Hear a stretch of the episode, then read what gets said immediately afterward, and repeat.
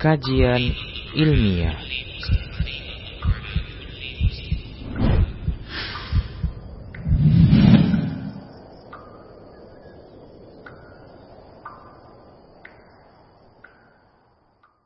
Bismillah, Assalamualaikum warahmatullahi wabarakatuh. Innal hamdalillah nahmaduhu wa nasta'inuhu wa nastaghfiruh billahi min shururi anfusina wa min من يهده الله فلا مضل له ومن يضلله فلا هادي له. وأشهد أن لا إله إلا الله وحده لا شريك له وأشهد أن محمدا عبده ورسوله صلى الله عليه وسلم. قال الله تبارك وتعالى يا أيها الذين آمنوا اتقوا الله حق تقاته ولا تموتن إلا وأنتم مسلمون. يا أيها الناس اتقوا ربكم الذي خلقكم من نفس واحدة وخلق منها زوجها وبث منهما رجالا كثيرا ونساء. واتقوا الله الذي تساءلون به والأرحام. إن الله كان عليكم رقيبا. يا أيها الذين آمنوا اتقوا الله وقولوا قولا سديدا. يصلح لكم أعمالكم ويغفر لكم ذنوبكم. ومن يطع الله ورسوله فقد فاز فوزا عظيما أما بعد. فإن أصدق الحديث كتاب الله وخير الهدى هدى رسول الله صلى الله عليه وسلم وشر الأمور محدثاتها وكل محدثة بدعة وكل بدعة ضلالة وكل ضلالة في النار. Ayuhal ahibba rahimani wa rahmakumullah para pemirsa Rosat TV dan para pendengar radio Medan Mengaji di mana saja Anda berada rahimani wa rahmakumullah Alhamdulillah kembali dan seterusnya kita selalu mengucapkan rasa syukur kita kepada Allah Subhanahu wa taala dengan ungkapan alhamdulillah atas semua nikmat-nikmat yang Allah Subhanahu wa taala berikan. Yang nikmat ini nikmat-nikmat yang besar terutama adalah nikmat iman, nikmat Islam, nikmat sunnah, ketaatan di atas petunjuk putusan Allah Subhanahu wa taala Nabi kita Muhammad sallallahu alaihi wasallam. Kemudian kita ucapkan selawat dan salam untuk Nabi kita tercinta Nabi Muhammad sallallahu alaihi wasallam yang kita harapkan Allah Subhanahu wa taala masih memberikan taufiknya kepada kita agar kita terus berada di atas petunjuk beliau sampai Allah mewafatkan kita. Para muslim rahimani wa. Kita akan lanjutkan pembahasan fikih muamalah kita yaitu kita akan menyebutkan tentang keutamaan bersikap hati-hati di dalam urusan harta. Bersikap hati-hati dalam urusan muamalah, interaksi antara manusia dalam masalah harta. Para muslim rahimani warahmatullah. Wajib bagi seorang muslim mukmin untuk menjadikan jual belinya urusan makanannya, urusan minumannya, dan seluruh bentuk-bentuk muamalahnya itu sesuai dengan petunjuk Allah dan Rasulnya. Dan hendaknya seorang mukmin dia harus memilih perkara-perkara yang jelas bagi dirinya. Terkait dengan perkara yang halal, maka silahkan dia menempuhnya. Karena perkara ini adalah perkara yang dibolehkan. Al-aslu fil asya'i al-ibahat. Hukum asal dalam urusan dunia itu halal, maka silahkan. Tapi yang jelas, perkara-perkara kehalalan yang jelas, maka silahkan interaksikan dirinya dengannya. Adapun perkara-perkara yang haram yang jelas haramnya, maka hendaknya dia meninggalkannya. Para muslim rahimani wa rahimakumullah. Bahkan bukan hanya meninggalkan, wajib. Ya, bukan hanya anjuran, himbauan, tapi memang wajib bagi dia untuk menghindarkan perkara-perkara yang haram. Tidak boleh bagi dia untuk berinteraksi dengannya. Para muslim rahimani wa rahimakumullah, hanya saja sebahagian besar manusia dikarenakan mereka ini jahil terhadap agama mereka. Mereka ini terkadang tidak mengambil perhatian yang besar terhadap urusan agama. Yang inilah yang membuat terkadang umat Islam ini mundur ke belakang karena kebanyakan mayoritas umat Islam mereka tidak peduli dengan agamanya. Dalam sebuah hadis Nabi Shallallahu Alaihi Wasallam hadis yang dikeluarkan oleh Imam Abu Daud dalam sunannya disahihkan oleh Syekh Al Albani rahimahullah taala dalam Sahihul Jami. Nabi kita Muhammad Shallallahu Alaihi Wasallam bersabda, Ida tabaya'tum bil ainati. Apabila kalian berjual beli dengan model ainah, yaitu jual beli yang terlarang, yang ini merupakan salah satu sarana menuju riba. Kemudian wa akhadtum adnabal baqari dan kalian memegang ekor-ekor sapi yang semestinya sapi itu dihela, diawasi, dan diarahkan itu dengan tongkat. Karena begitu cintanya terhadap hartanya berupa peternakan sampai-sampai dia memegang, memegang ekornya. Waraditum bizar'i dan kalian ridho dengan per perkebunan, pertanian, tanaman-tanaman, sampai melalaikan kewajiban-kewajiban, sampai melalaikan batasan-batasan Allah Subhanahu wa taala. Dan ini disebutkan di akhir dari perkara-perkara yang menyebabkan kemunduran umat Islam, kata Rasulullah SAW, ya, waktu wataraktumul jihad dan kalian meninggalkan jihad. Itu berjihad berjuang di jalan Allah Subhanahu wa taala. Berperang di jalan Allah Subhanahu wa taala. Apa jihad yang paling dekat di antara kita? Yaitu berjihad memerangi kebodohan yang ada pada diri kita. Dan tujuan jihad adalah li'i'la'i kalimatillah meninggikan kalimat Allah Subhanahu wa taala, agama Allah Subhanahu wa taala agar dia disembah di permukaan bumi ini. Para muslim rahimani wa rahimakumullah. Ketika perjuangan ini ditinggalkan tidak mempelajari agama, tidak melawan hawa nafsu dan syaitan yang mengajak kepada kesesatan, keburukan, dan dosa. Bahkan malah dibiarkan jihad meninggikan kalimat Allah Subhanahu wa taala itu ditinggalkan maka sallallahu alaikum dhulla Allah Subhanahu wa taala akan menimpakan Allah menimpakan Allah menimpakan kepada kalian dhulla kehinaan kerendahan keterpurukan keterbelakangan kemunduran Para muslim rahimani wa. Coba perhatikan, hadis ini diarahkan kepada para sahabat Nabi Shallallahu Alaihi Wasallam. Yang sesungguhnya para sahabat Nabi Shallallahu Alaihi Wasallam tidak mungkin melakukan demikian. Bahkan dalam sejarah tidak ada yang demikian.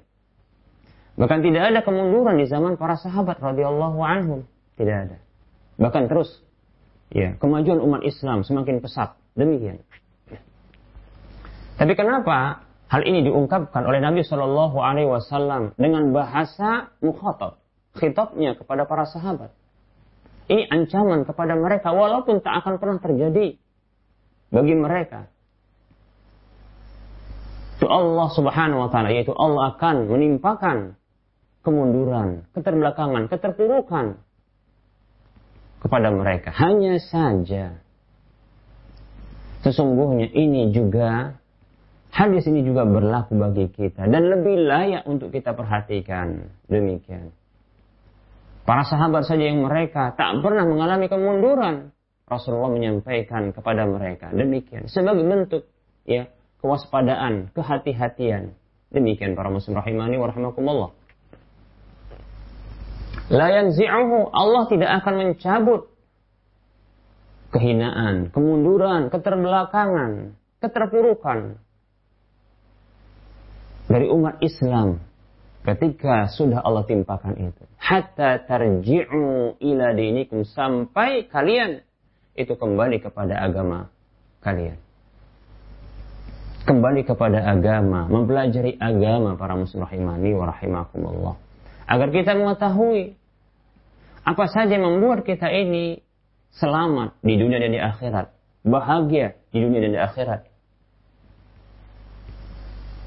dan mana saja, apa saja yang dengan ilmu ini kita akan mengetahui yang bisa membuat kecelakaan, kebinasaan, kehancuran kita di dunia dan di akhirat. Demikian para muslim rahimani wa rahimakumullah. Mempelajari agama para muslim. Ini wajib oleh karenanya.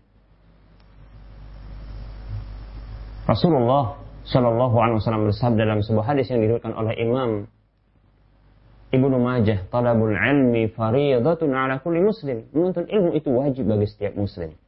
Para muslim rahimani wa rahimakumullah.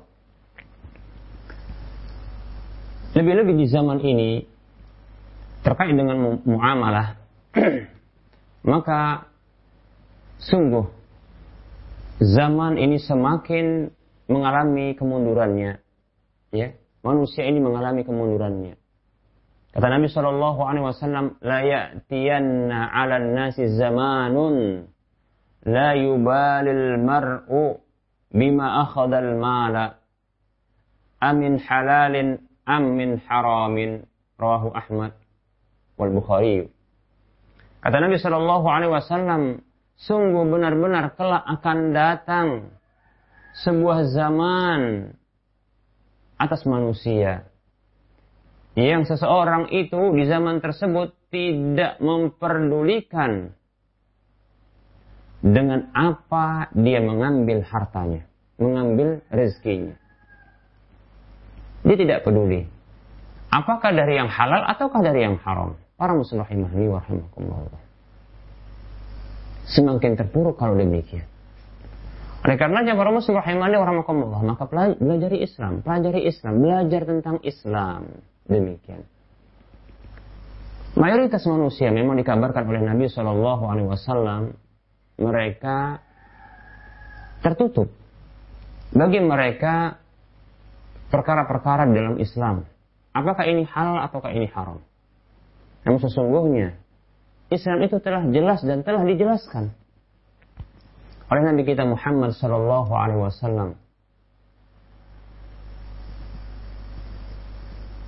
Rasulullah telah menjelaskan hal tersebut. Ya. Apa saja yang menghantarkan kepada surga dan apa saja yang ya, membuat jauh dari neraka, menghindar dari neraka, maka sesungguhnya telah dijelaskan.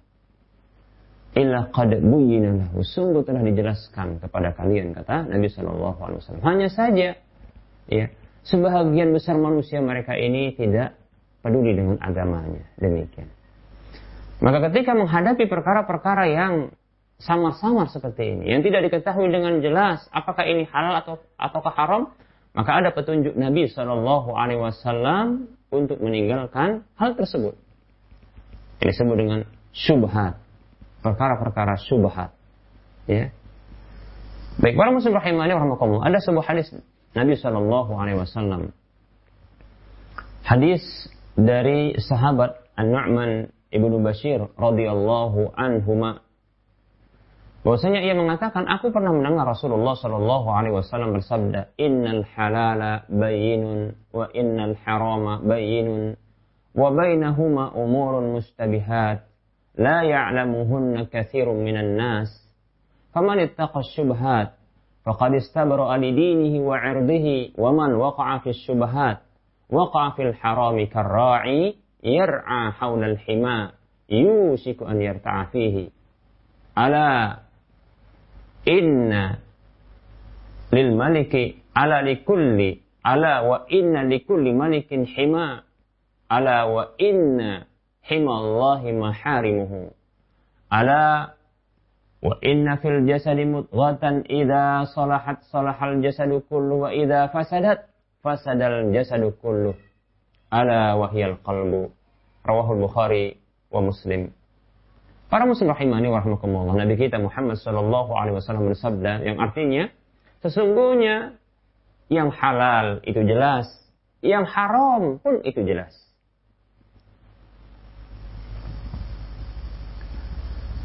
Hanya saja di antara keduanya ada perkara-perkara yang samar yang tidak diketahui oleh kebanyakan manusia. Lihat. Ini pernyataan Nabi Shallallahu alaihi wasallam bahwasanya memang kebanyakan manusia mereka tidak mempelajari perkara-perkara tersebut sehingga masih tersisa samar bagi mereka. Masih belum jelas bagi mereka. Bisa jadi bagi sebahagian orang ini jelas.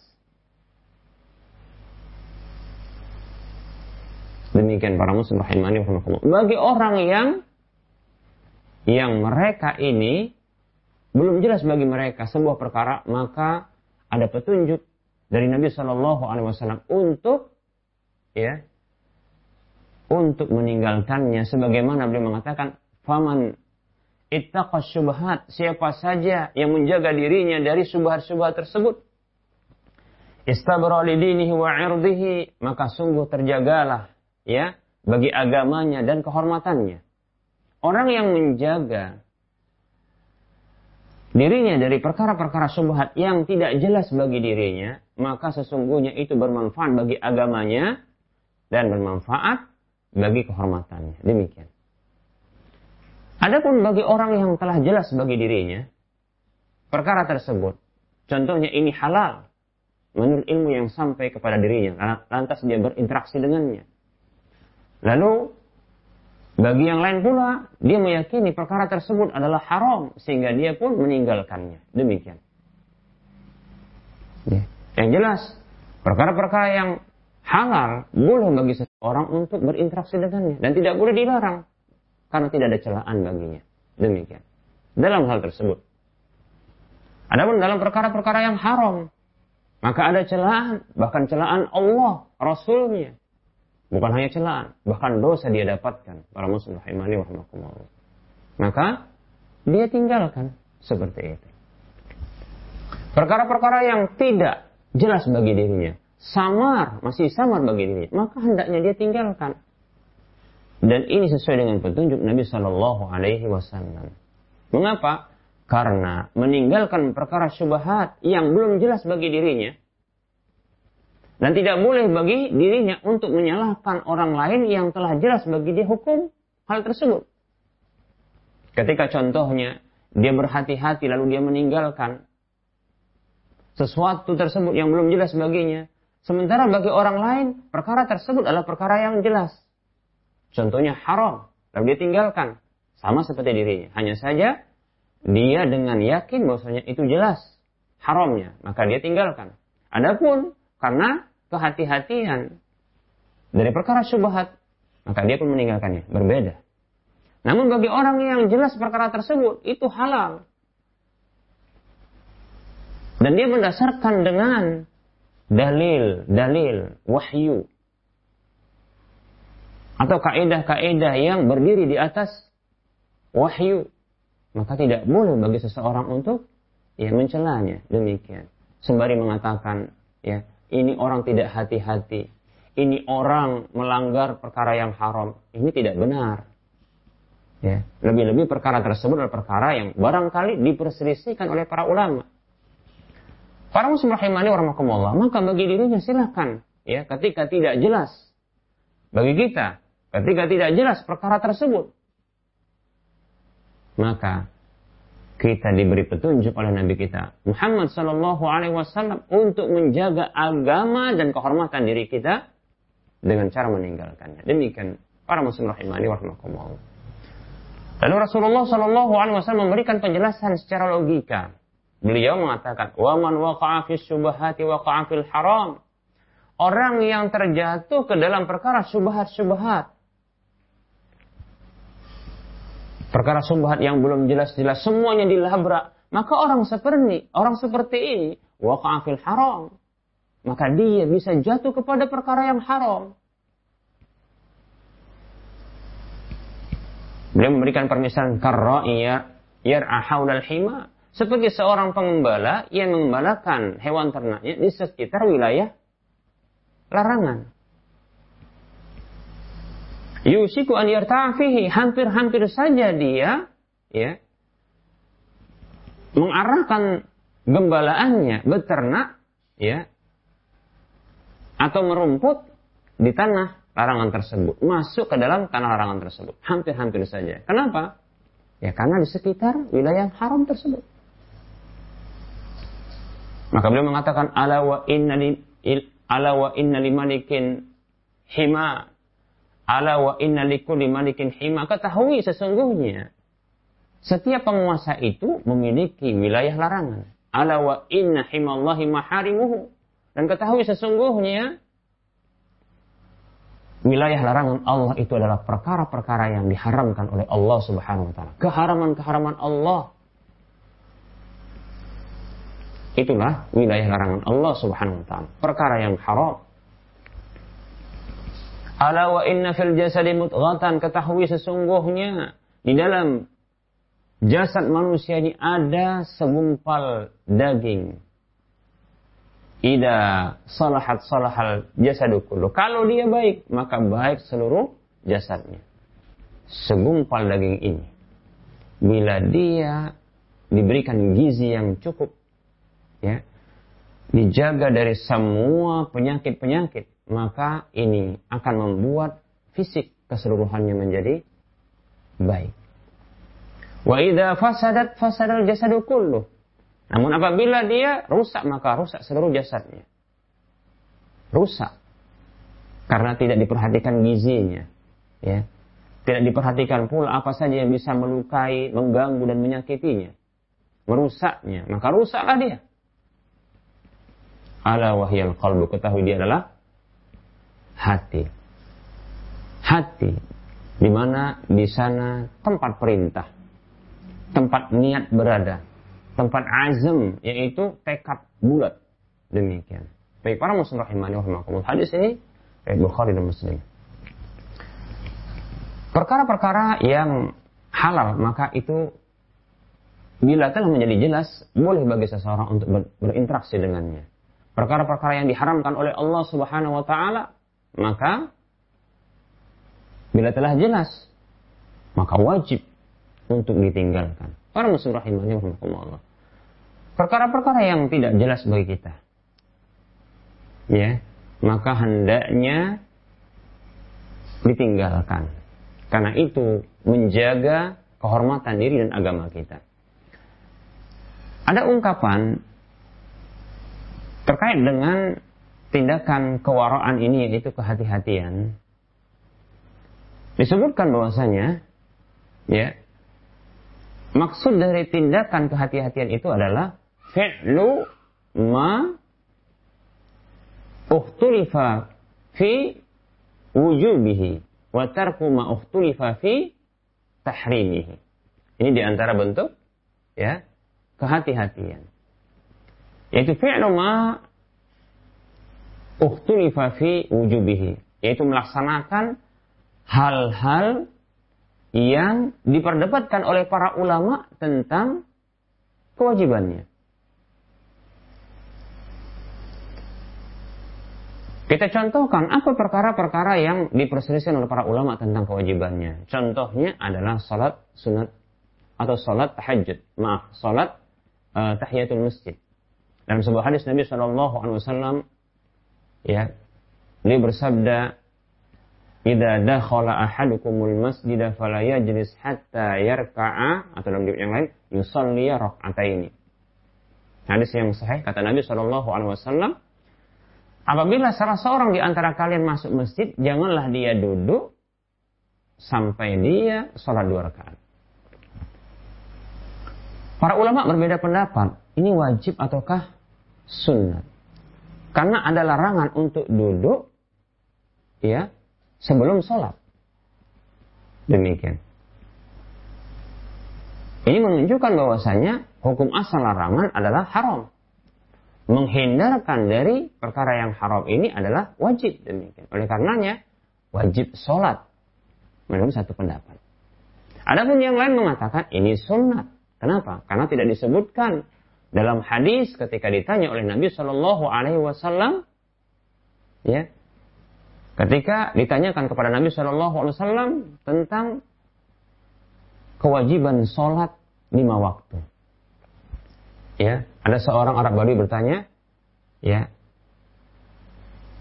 Wahai Rasulullah, kabarkan kepadaku apa yang telah Allah wajibkan kepadaku dari salat-salat. Maka Rasulullah mengkabarkan kepadanya, sesungguhnya Allah mewajibkan sholat lima waktu sehari semalam. Ditanyakan lagi kepada Rasulullah SAW oleh orang ini, ya, apakah ada yang lainnya? Kata Nabi SAW, la tidak, illa anta tawa, kecuali kalau kamu suka rela mau melakukannya. Demikian. Baik para muslim rahimahnya warahmatullah yang jelas para ulama berbeda pendapat. Lalu bagi seseorang yang telah jelas bagi dirinya bahwasanya ini adalah wajib, maka silahkan. Tidak boleh bagi dia untuk meninggalkannya. Ketika dia masuk masjid, tidak boleh dia duduk. Demikian. Tidak boleh bagi dia untuk duduk. Seperti itu. Kenapa? Karena dia berpandangan wajib. Haram bagi dia untuk apa? Duduk. Karena dia memandang wajib. Kecuali kalau dia punya ya sisi pandang yang lain. Bersamaan dia meyakini wajibnya. Demikian. Bagi seseorang yang memandang hukum salat tahiyatul masjid adalah sunat, maka boleh bagi dia untuk duduk dan dianjurkan bagi dia untuk sholat seperti itu. Bagi seseorang yang samar bagi dia hukum sholat sunat tahiyatul masjid ini, sholat tahiyatul masjid ini, bagi dia samar, apakah sunat ataukah wajib? Maka bentuk kehati-hatiannya, bentuk kehati-hatiannya dalam masalah ini, walaupun kita ini tidaklah dikatakan ini wara, begitu ya, Allah taala alam karena wara itu pada umumnya adalah masalah muamalah, ya. Namun wallahu alam, ya mungkin istilah yang disebutkan bukan wara tapi ihtiyat, yaitu kehati-hatian. Maka para muslim rahimani wa rahimakumullah silahkan ya dia meninggalkan ketidakjelasannya kesamaran ini dengan cara dia melakukannya. Seperti itu. Fi'lu ma ukhtulifa fi wujubihi. Melakukan apa saja yang diperselisihkan oleh para ulama tentang kewajibannya. Demikian. Para muslim rahimani wa Begitu juga contohnya sholat, sholat Aid, sholat raya. Para ulama berbeda pendapat. Begitu juga tentang sholat sunat witir, sebagian ulama berbeda pendapat ya tentang masalah ini.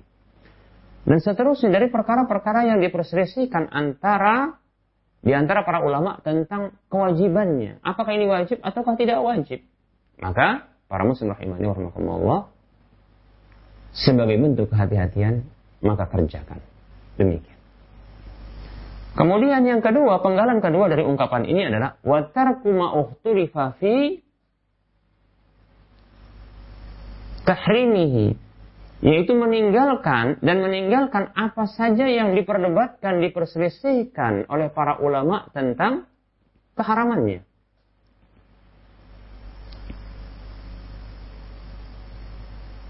Satu perkara, para ulama berbeda pendapat. Apakah ini halal ataukah ini haram?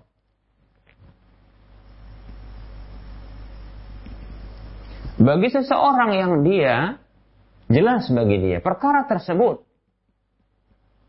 adalah halal contohnya, maka silakan dia berinteraksi dengannya.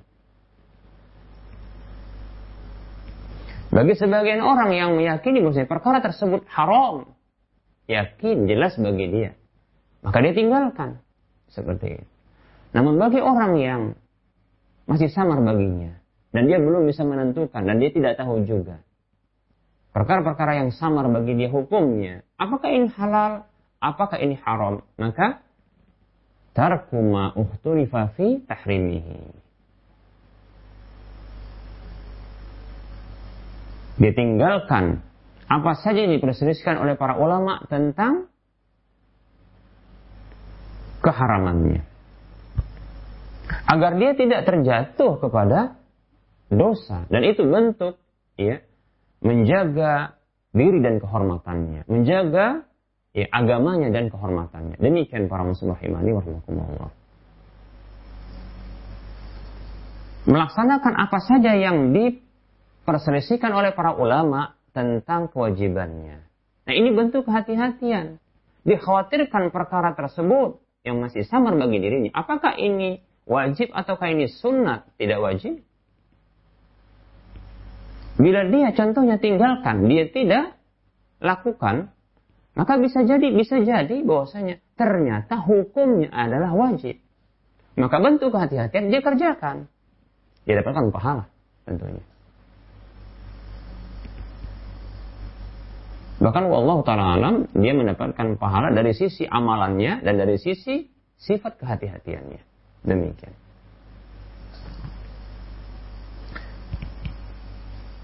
meninggalkan apa saja diperselisihkan oleh para ulama tentang keharamannya. Ini halal ataukah ini haram?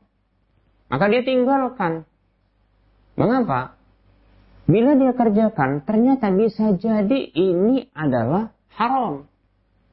Sehingga harus dia tinggalkan. Ini bentuk kehati-hatian para muslim rahimani warahmatullahi Dalam masalah jual beli, nanti ada seperti jual beli hormon, ya ini diperselisihkan oleh para ulama.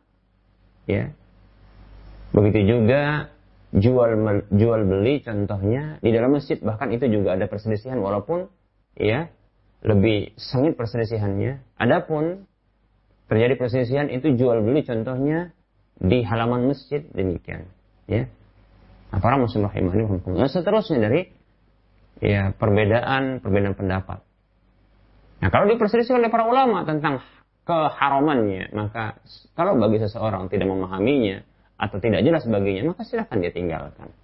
Dia tinggalkan. Demikian para muslim rahimani warahmatullah. Karena itu akan menjaga ya, menjaga kehormatannya dan agamanya.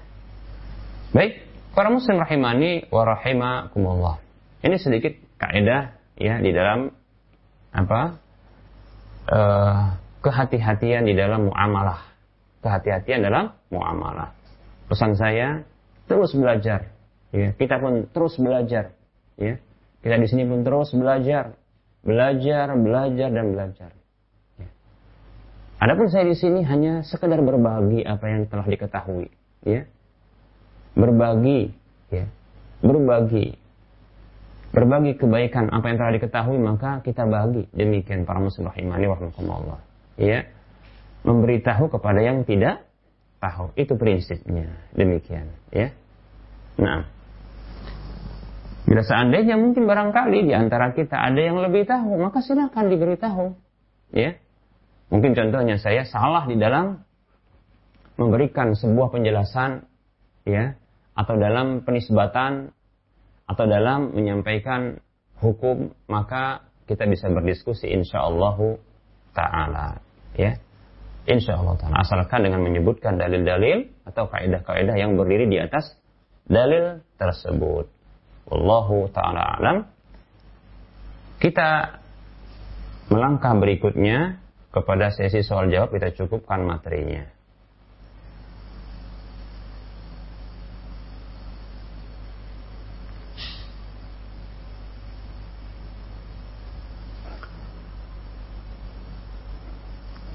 Ada pertanyaan namun bukan terkait dengan muamalah. Ya. Bukan terkait dengan muamalah. Hanya saja pertanyaan terkait dengan ya bertanya tentang hukum puasa sunat satu hari sebelum Ramadan. Baik, para muslim rahimani. Sesungguhnya dalam hal ini ya ada keterangan langsung dari Nabi Shallallahu Alaihi Wasallam yaitu bahwasanya bila kita memiliki kebiasaan ini terkait dengan apakah kita punya kebiasaan atau tidak punya kebiasaan dari puasa ya. Maka dari rincian jika kita sebelumnya ini memiliki kebiasaan puasa seperti puasa hari Senin, hari Kamis, ya, puasa Daud sehari tidak sehari puasa demikian. Atau puasa tentunya di bulan Sya'ban ya. Ini kebiasaan maka dibolehkan bagi orang tersebut untuk puasa. Contohnya di hari ini hari Kamis. Yang diprediksi besok adalah uh, adalah Ramadan. Demikian. Ya. Namun bila seseorang tersebut tidak memiliki kebiasaan berpuasa, lantas dia berpuasa sehari atau dua hari, ya, atau berpuasa ya sebelum dua hari dari Ramadan tersebut, maka ada larangan dari Nabi Shallallahu Alaihi Wasallam. Kata Nabi Shallallahu Alaihi Wasallam dalam sebuah hadis yang diriwayatkan oleh Imam Tirmidzi dari sahabat Abu Hurairah radhiyallahu anhu, bahwasanya Rasulullah Shallallahu Alaihi Wasallam bersabda, "La tuqaddimu asy-syahra biyaumin wala biyaumaini illa an yuwafiqa dhalika sauman kana yasumuhu ahad. Kana yasumuhu ahadukum. Kata Nabi Shallallahu Alaihi Wasallam, janganlah kalian mendahului bulan ini, itu bulan Ramadan, dengan sehari atau dua hari berpuasa. Ya. Kecuali bila hal tersebut bertepatan dengan puasa yang salah seorang di antara kalian itu biasa mempuasainya. Demikian para muslim rahimani wa rahimakumullah.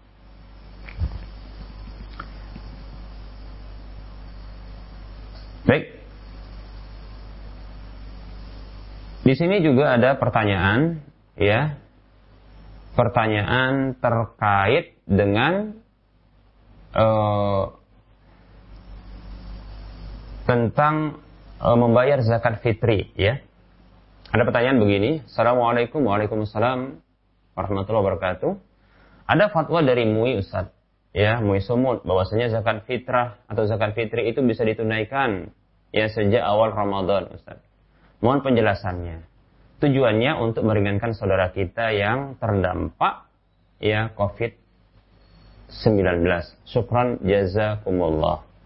Afwan wa anta fajazakallahu khairah. Baik para muslim rahimani wa. Baik ini ada pertanyaan maka saya jawab ya kita harus bedakan ya. Bedakan antara uh, kolektif ya maksudnya adalah pengumpulan zakat fitri mengumpulkan zakat fitri dengan penyaluran zakat fitri itu distribusi. Demikian ya. Setahu saya wallahu alam untuk para salaf dahulu uh, tidak ada ya secara merebak seperti di zaman kita ini yaitu pengumpulan zakat fitri itu lewat uh, apa namanya wakil ya seperti contohnya panitia-panitia ya namun langsung pada umumnya demikian ya walaupun bisa bisa jadi apa yang saya sampaikan ini bisa jadi uh, tertolak dikarenakan ya ada mungkin riwayat yang menyatakan hal tersebut. Ya. Nah, perlu kita bedakan antara pengumpulan dengan penyaluran, ya, distribusi. Baik, kita akan rinci jika pembayaran zakat tersebut maksudnya adalah mengumpulkan ya mengumpulkan zakat fitri tanpa dilakukan distribusi langsung di awal Ramadan, bahkan sebelum Ramadan, ya, maka tentunya ini dibolehkan, hanya sekedar mengumpulkan di awal. Ya. Kenapa? Karena ini dia terhitung seperti akad titip, ya menitipkan, ya akad wadiah. Itu menitipkan zakat fitri kepada wakil yang kemudian akan disalurkan kepada yang berhak. Maka ini boleh. Karena ini tidak terhitung dengan uh, tidak terhitung ya dia menyerahkan kepada yang berhak. Ya, bahkan ini dikatakan ya ini hanya akad titip saja. Kewajiban bagi wakil adalah dia nanti menyalurkan di waktunya. Demikian para muslim rahimani warahmatullah. Adapun bila maksud yang dimaksudkan dengan pembayaran zakat fitri di awal sejak uh, Ramadan ya itu adalah langsung pembayarannya kepada pihak yang berhak fakir miskin ya yaitu distribusi langsung kepada yang berhak maksudnya maka wallahu taala alam saya condong ini tidak boleh. Ya. Ini tidak boleh. Mungkin ada juga di antara sebagian para ulama yang mereka mengatakan tidak sah. Tapi saya condong ini tidak boleh. Ya. Mengapa tidak boleh? Dikarenakan ini membayar zakat fitri dan diberikan kepada pihak yang berhak itu lebih cepat dari waktunya sementara tidak ada dalil yang membolehkannya. Sementara ada dalil yang menunjukkan pembayaran zakat fitri itu paling cepatnya dua hari. Sehari atau dua hari sebelum hari raya. Ada satu riwayat dari Nafi, yaitu bekas budaknya Abdullah ibnu Umar radhiyallahu anhuma ia mengatakan karena ibnu Umar radhiyallahu anhuma yu'tiha alladziina yaqbalunaha wa kanu yu'tawna qabla al-fitri bi aw bi rahul Bukhari. Kata Nafi ia menceritakan bahwasanya dahulu Abdullah ibnu Umar radhiyallahu anhuma pernah memberikan zakat fitri itu kepada orang yang berhak menerimanya. Ya. Dahulu Abdullah bin Umar radhiyallahu anhu itu pernah ya, itu memberikan zakat fitri langsung kepada orang yang berhak menerimanya.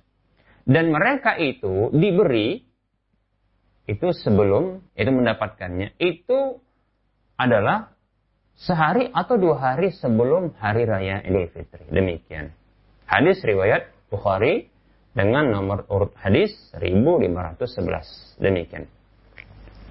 Dan ternyata ada fungsi dan hikmah dari zakat fitri ini.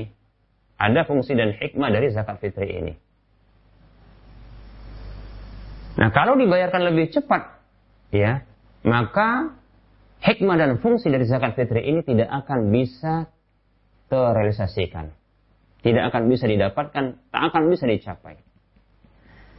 Yang pertama adalah fungsinya sebagai pembersih bagi orang yang berpuasa dari kesia-siaan dan dosa.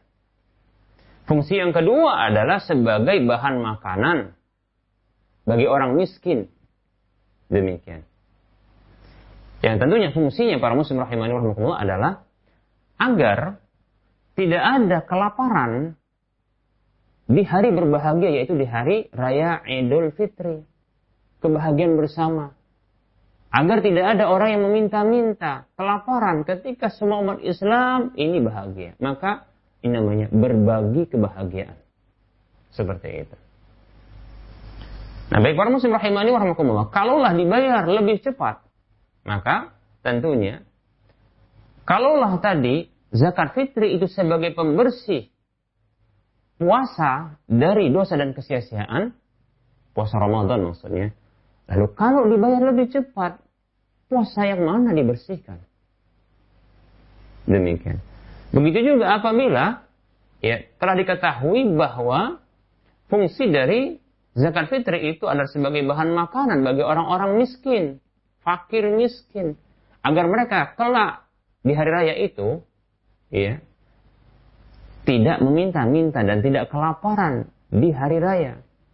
Nah, kalau dibayar lebih cepat, semuanya kaum muslim membayar lebih cepat, maka tentunya akan terjadi kelaparan. Mungkin ada yang mengatakan, kan nanti bisa diberikan dari yang lain, maka nanti akan kita sebutkan solusinya. Mana dalil yang menunjukkan bahwasanya adanya dua fungsi ini, ya, dua fungsi bagi zakat fitri ini ada sebuah riwayat dari Abdullah bin Abbas radhiyallahu anhuma yang mengatakan farada Rasulullah sallallahu alaihi wasallam zakat al-fitri tuhratan lis-shaimi min al-laghwi war-rafasi wa tu'matan lil masakin. Hadis riwayat Abu Daud. Kata Abdullah bin Abbas radhiyallahu anhuma, Rasulullah sallallahu alaihi wasallam mewajibkan zakatul fitri itu sebagai pembersih. Pembersih puasa, orang yang berpuasa di bulan Ramadan itu dari kesia-siaan dan dosa, rafas, tindakan kemesuman dan seterusnya, berhubungan badan ya. Begitu juga sebagai ya bahan makanan bagi orang miskin, demikian. Ini disebutkan jelas ya. Dan hal ini sampai-sampai diketahui oleh Abdullah bin Abbas radhiyallahu anhu karena memang uh, begitu jelasnya tujuan dari zakatul fitri ini adalah untuk pembersih dari puasa di bulan Ramadan. Kalau didahulukan pembayaran zakat fitri, maka kita katakan, iya, puasa yang mana yang akan dibersihkan? Bagaimana bisa membersihkan sesuatu yang tidak kotor, yang belum ada? Demikian, ya. Karena Ramadan, ya, puasa belum dilakukan secara tuntas. Begitu juga para muslim rahimani rahimakumullah, ya. Zakat fitri sebagai bentuk bahan makanan bagi orang-orang miskin agar mereka memiliki makanan di hari raya sehingga mereka tidak kelaparan, sehingga mereka ya tidak meminta-minta di hari kebahagiaan, kebahagiaan bersama. Demikian. Baik, maka para muslim rahimani rahimakumullah, saya akan tawarkan solusi. Yang pertama adalah ya, kita berikan motivasi kepada kaum muslimin ya untuk mereka membayarkan zakat mal mereka. Zakat nakdain, emas dan perak. Zakat perniagaan, zakat ya perhiasan yang mereka pakai atau yang mereka simpan. Ya, seperti itu. Apalagi zakat pertanian dan buah-buahan zakat peternakan. Nah, ini potensi besar. Ah, dimotivasi. Insya Allah Ta'ala bisa. Ya, dimotivasi untuk dibayarkan. Nisabnya sudah cukup Ustaz. Hanya saja haulnya belum. Batas minimal zakat. Batas minimal harta yang wajib dizakati ini sudah sampai. Hanya saja haulnya. Jangka nisab tersebut selama setahun belum berlaku, belum terpenuhi syarat yang kedua. Maka kita katakan, ya, ada pendapat, bahkan ini pendapat yang kuat bahwasanya, ya, boleh dipercepat pembayaran zakatul mal, zakat harta itu. Termasuk di antara zakat uang. Zakat uang. Ini bisa dipercepat. Berdasarkan hadis yang sahih tentang Abbas pamannya Nabi Shallallahu Alaihi Wasallam, Abbas radhiyallahu anhu itu pernah mendapatkan dispensasi dari Nabi Shallallahu Alaihi Wasallam untuk membayarkan zakatul mal lebih cepat dari waktunya, haulnya demikian. Seperti itu. Maka dapat izin dari Nabi Shallallahu Alaihi Wasallam, maka demikian pula lebih-lebih saat ini. Ya, maka potensi umat ini untuk ya menangani kelaparan, ya. Begitu juga menangani mungkin dampak buruk bagi perekonomian dari persebaran virus corona ini untuk apa meminimalisir persebaran virus corona ini atau memutus mata rantai persebaran virus corona ini, maka potensi umat yang bisa digali adalah zakatul mal, zakat harta. Bahkan itu bisa jadi lebih besar dari hanya sekadar zakat fitri. Demikian. Sementara zakat fitri itu ada waktu khususnya. Yang dia diikat dengan hikmah-hikmah dan fungsi-fungsinya. Demikian. Baik para rahimani. Maka tidak boleh seseorang beralih kepada ya, kepada apa? Kepada sesuatu untuk dirubah waktunya sementara dia punya punya waktu yang khusus. Syariat ya, zakat fitri ini ada waktu khusus dia diikat dengan syarat dan waktu. Oh, syarat menggunakan waktu demikian ya. Maka jangan beralih kepada hal ini sementara ada potensi yang lain, ada peluang yang lain. Ada solusi yang lain demikian. Zakatul mal. Ya. Kemudian solusi yang kedua adalah sembari ini tadi motivasi umat untuk menggali potensi dari zakatul zakatul mal, zakat harta. Di antaranya adalah emas, perak, mata uang dan seterusnya. Berikutnya adalah memotivasi umat Islam ya untuk mereka berinfak, bersedekah berdonasi, berderma, berempati di bulan Ramadan. Dan kita tahu para muslim rahimahumullah, yang kita tahu kaum muslim ini begitu ya, begitu berbeda mereka menyikapi bulan Ramadan ini, ya. Sifat dermawan mereka itu lebih besar di bulan ini, karena mereka ingin mengharapkan keberkahan dari Allah Subhanahu wa taala. Demikian. Maka gali potensi ini berikutnya. Ya. Dan insya Allah taala selama sebulan ini bahkan saya yakin lewat. Ya. Akan lewat, bisa lewat. Tanpa harus ada yang kelaparan. Demikian para muslim rahimahni wa rahimakumullah. Nah, baru kemudian berikutnya adalah menyalurkan zakat fitri di waktunya. Demikian. Kalau seandainya mungkin potensi umat ini, ini Contohnya, di awal-awal, katakanlah demikian, di 10 awal, atau sampai 15 awal dari Ramadan ini, ternyata potensi umat dari zakatul mal ini berakhir, habis. Maka kembali potensi, katakanlah di 15 yang terakhir ini apa? Ini dengan potensi infak dan sedekah seperti itu. Nah di akhir-akhir baru zakat fitri zakat fitri. Ini potensi berikutnya ya untuk terus melewati bulan Syawal ini ya ini dalam kondisi tidak kelaparan. Nah, para muslim rahimahni wa Mudah-mudahan Allah Subhanahu wa taala mengangkat ya, mengangkat wabah ini dari negeri kita ini bahkan dari negeri-negeri kaum muslimin dari dunia ini demikian ya.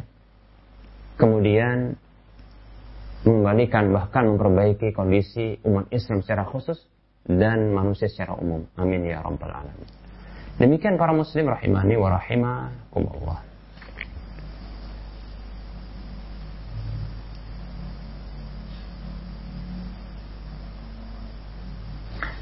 Bismillah, Ustaz yang semoga dijaga oleh Allah.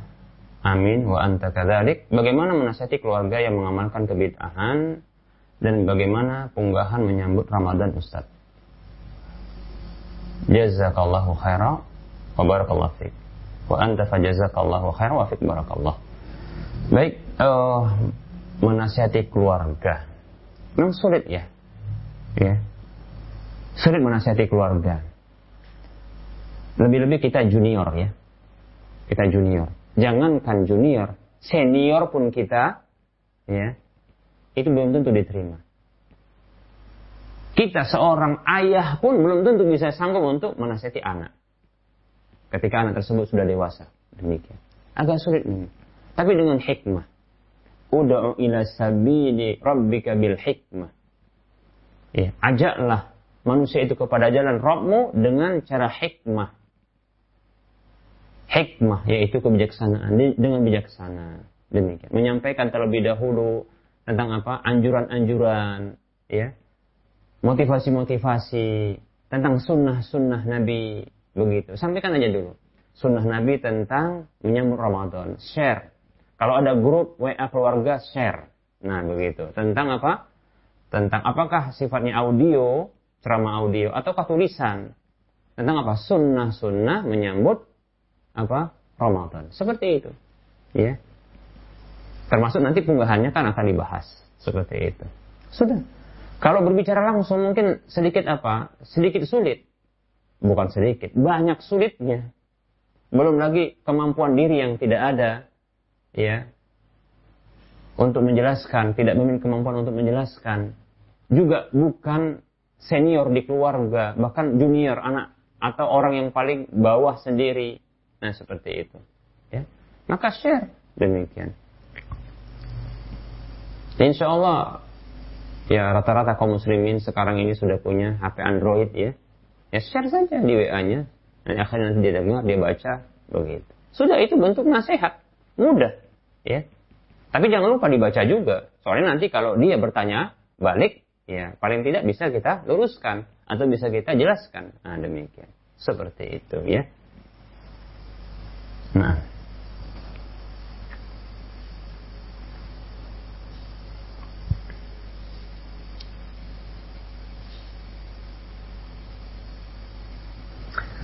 Assalamualaikum. Waalaikumsalam warahmatullahi wabarakatuh. Mau nanya Manakah yang lebih afdal bersedekah harta 100 ribu untuk 10 orang Yang masing-masing kebahagiaan 10 ribu Atau bersedekah 100 ribu untuk satu orang?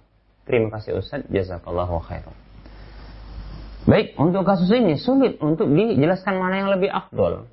Yang seperti ini ya.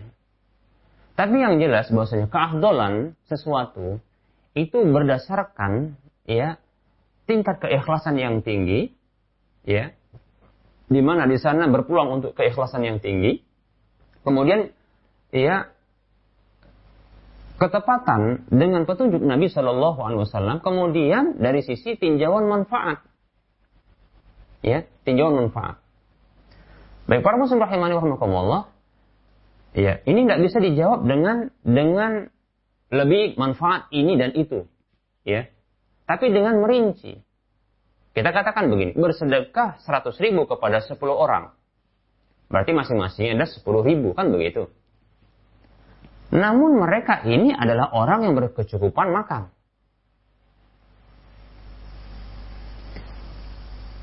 Lalu dialihkan, ya, 100 ribu tersebut diberikan kepada satu orang yang dia susah makan. Kalau yang 10 orang tadi ini memiliki kecukupan makan. Yang satu orang ini adalah susah makan. Demikian, susah makan. Baik. Maka dari sisi ini para muslim rahimahnya bahkan ya bisa jadi dia tidak makan ini menyebabkan apa? Ya mungkin kelemahan pada tubuhnya, ya mungkin sakit dia, diberikan 100 ribu kepada dirinya, itu manfaat. Manfaatnya besar. Walaupun satu orang, kenapa? Menyelamatkan, apanya?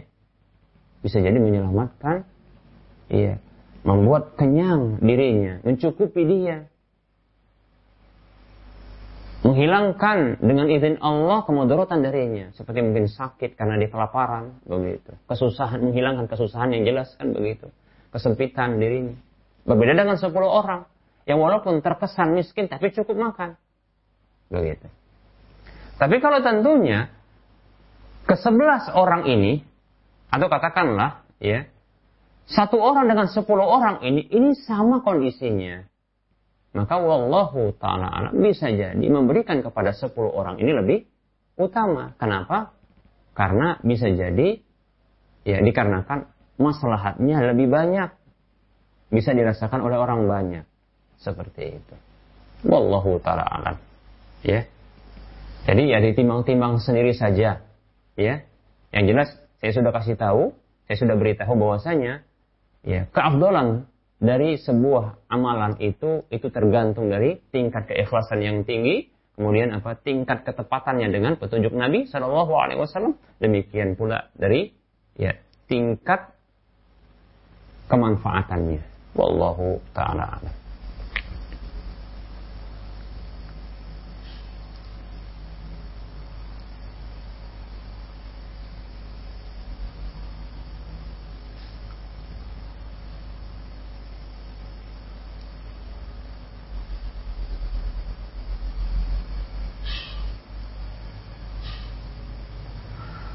Assalamualaikum warahmatullahi wabarakatuh.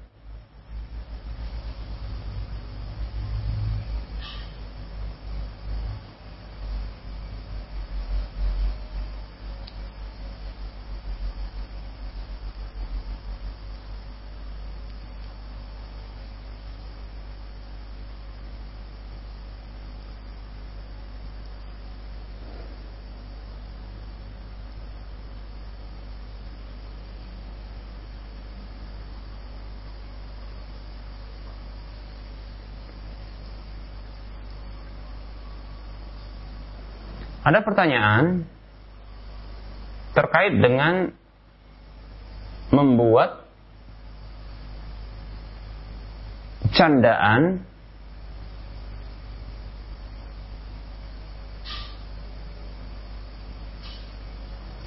agar orang tertawa.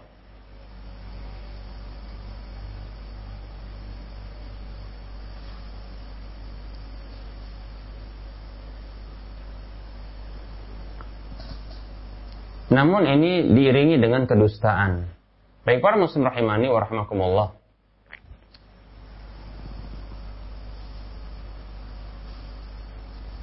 Bercanda namun berdusta, maka tentunya ini merupakan bentuk tindakan yang terlarang. Ada larangan dari Nabi Shallallahu Alaihi Wasallam, ya, untuk membuat candaan-candaan sehingga orang itu tertawa. Demikian. Sebaliknya, ada motivasi dari Nabi Shallallahu Alaihi Wasallam ya untuk meninggalkan ya kedustaan walaupun dalam kondisi bercanda. Jadi ingat, bercanda bukanlah sebuah hal yang terlarang. Bercanda bukanlah sebuah hal yang terlarang. Karena Nabi Shallallahu Alaihi Wasallam itu pernah bercanda demikian, bercanda. Namun tidak berlebihan, tidak sampai ada kedustaan, ya demikian. Kedustaan itu hanya dibolehkan pada tiga hal. Yang pertama adalah terkait dengan perdamaian. Mendamaikan orang muslim dengan muslim yang lain. Yang kedua adalah ya kedustaan ketika untuk ya, membuat kelanggengan rumah tangga suami dengan antar suami istri demikian. Kemudian yang ketiga adalah kedustaan ya di dalam medan peperangan seperti itu. Seperti contohnya melakukan tipu daya untuk menaklukkan musuh katakan demikian. Maka ini dibenarkan. Adapun selebihnya itu tidak ada pengecualian karena hukum asal dusta seperti yang kita sebutkan pada pertemuan yang lalu adalah haram. Wa iyyakumul kadhiba. Ya. Jauhi oleh kalian dusta itu. Fa innal kadhiba yahdi ilal fujuri wal fujuru yahdi ilal ilal nar. Ya. Karena sesungguhnya kedustaan itu mengarahkan kepada kefajiran-kefajiran dosa-dosa dan kefajiran-kefajiran dosa-dosa tersebut menghantarkan kepada neraka. Demikian, ya. Seperti itu. Maka silakan bercanda, tapi jangan berlebihan. Jangan sampai mendolimi orang lain. Jangan sampai juga berdusta. Dalam sebuah hadis Nabi Shallallahu Alaihi Wasallam bersabda, ya, ana za'imun bi baitin fi rabadil jannah ya liman tarakal mira'a wa in kana muhiqqan. Wa bi baitin fi wasatil jannah liman tarakal kadhiba wa in kana mazihan. Wa bi baitin fi a'lal jannah liman hasuna khuluquhu kama qala sallallahu alaihi wasallam. Kata Nabi sallallahu alaihi wasallam Aku jamin sebuah rumah di surga. Bagi orang yang meninggalkan perdebatan walaupun dia benar. Dan aku jamin sebuah rumah di surga bagi orang yang dia meninggalkan limantaroka al-kadiba, meninggalkan kedustaan wa ingkana mazihan. Walaupun dalam kondisi dia ber bercanda, bukan berjanda ya, bercanda. Ya. Dan saya pun sedang bercanda ya. Baik para muslim rahimani wa dan aku jamin aku jamin sebuah rumah tadi kata Rasulullah, aku jamin sebuah rumah fi rabadil jannah di pelataran surga, halaman surga, ya. Itu bagi orang yang meninggalkan pertengkaran, perdebatan walaupun dia benar. Dan aku jamin sebuah rumah di tengah-tengah surga bagi orang yang meninggalkan dusta walaupun dia bercanda. Dan aku jamin sebuah rumah di surga, di uh, surga yang tertinggi, fi a'lal jannah, di surga yang tertinggi, liman hasunah khuluquh bagi orang yang bagus akhlaknya. Demikian para muslim rahimani wa rahimakumullah ya. Wallahu taala alam. Nah, ini yang di dilarang ya, yaitu membuat orang tertawa ya dengan bercanda, ada larangannya. Kita cukupkan kajian kita mudah-mudahan bermanfaat apa yang saya sampaikan ini bila apa yang saya sampaikan ini berisi kebenaran maka terimalah karena sesungguhnya kebenaran itu datang dari Allah Subhanahu wa taala kalau apa yang saya sampaikan ini di antaranya ada kekeliruan kesalahan maka tinggalkanlah karena sesungguhnya itu atas dorongan nafsu dan bisikan syaitan pribadi saya. Kepada pribadi saya. Dan oleh karenanya tinggalkan. Kepada Allah saya mohon ampun.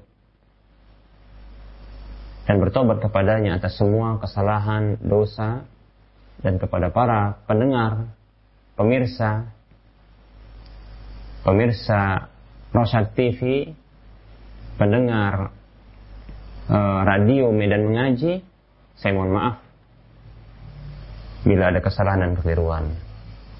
Wassalamualaikum ala Muhammad wa ala alihi wa ashabihi ajma'in. Subhanakallahumma wa bihamdika asyhadu an la ilaha illa anta astaghfiruka wa atubu. Wassalamualaikum warahmatullahi wabarakatuh.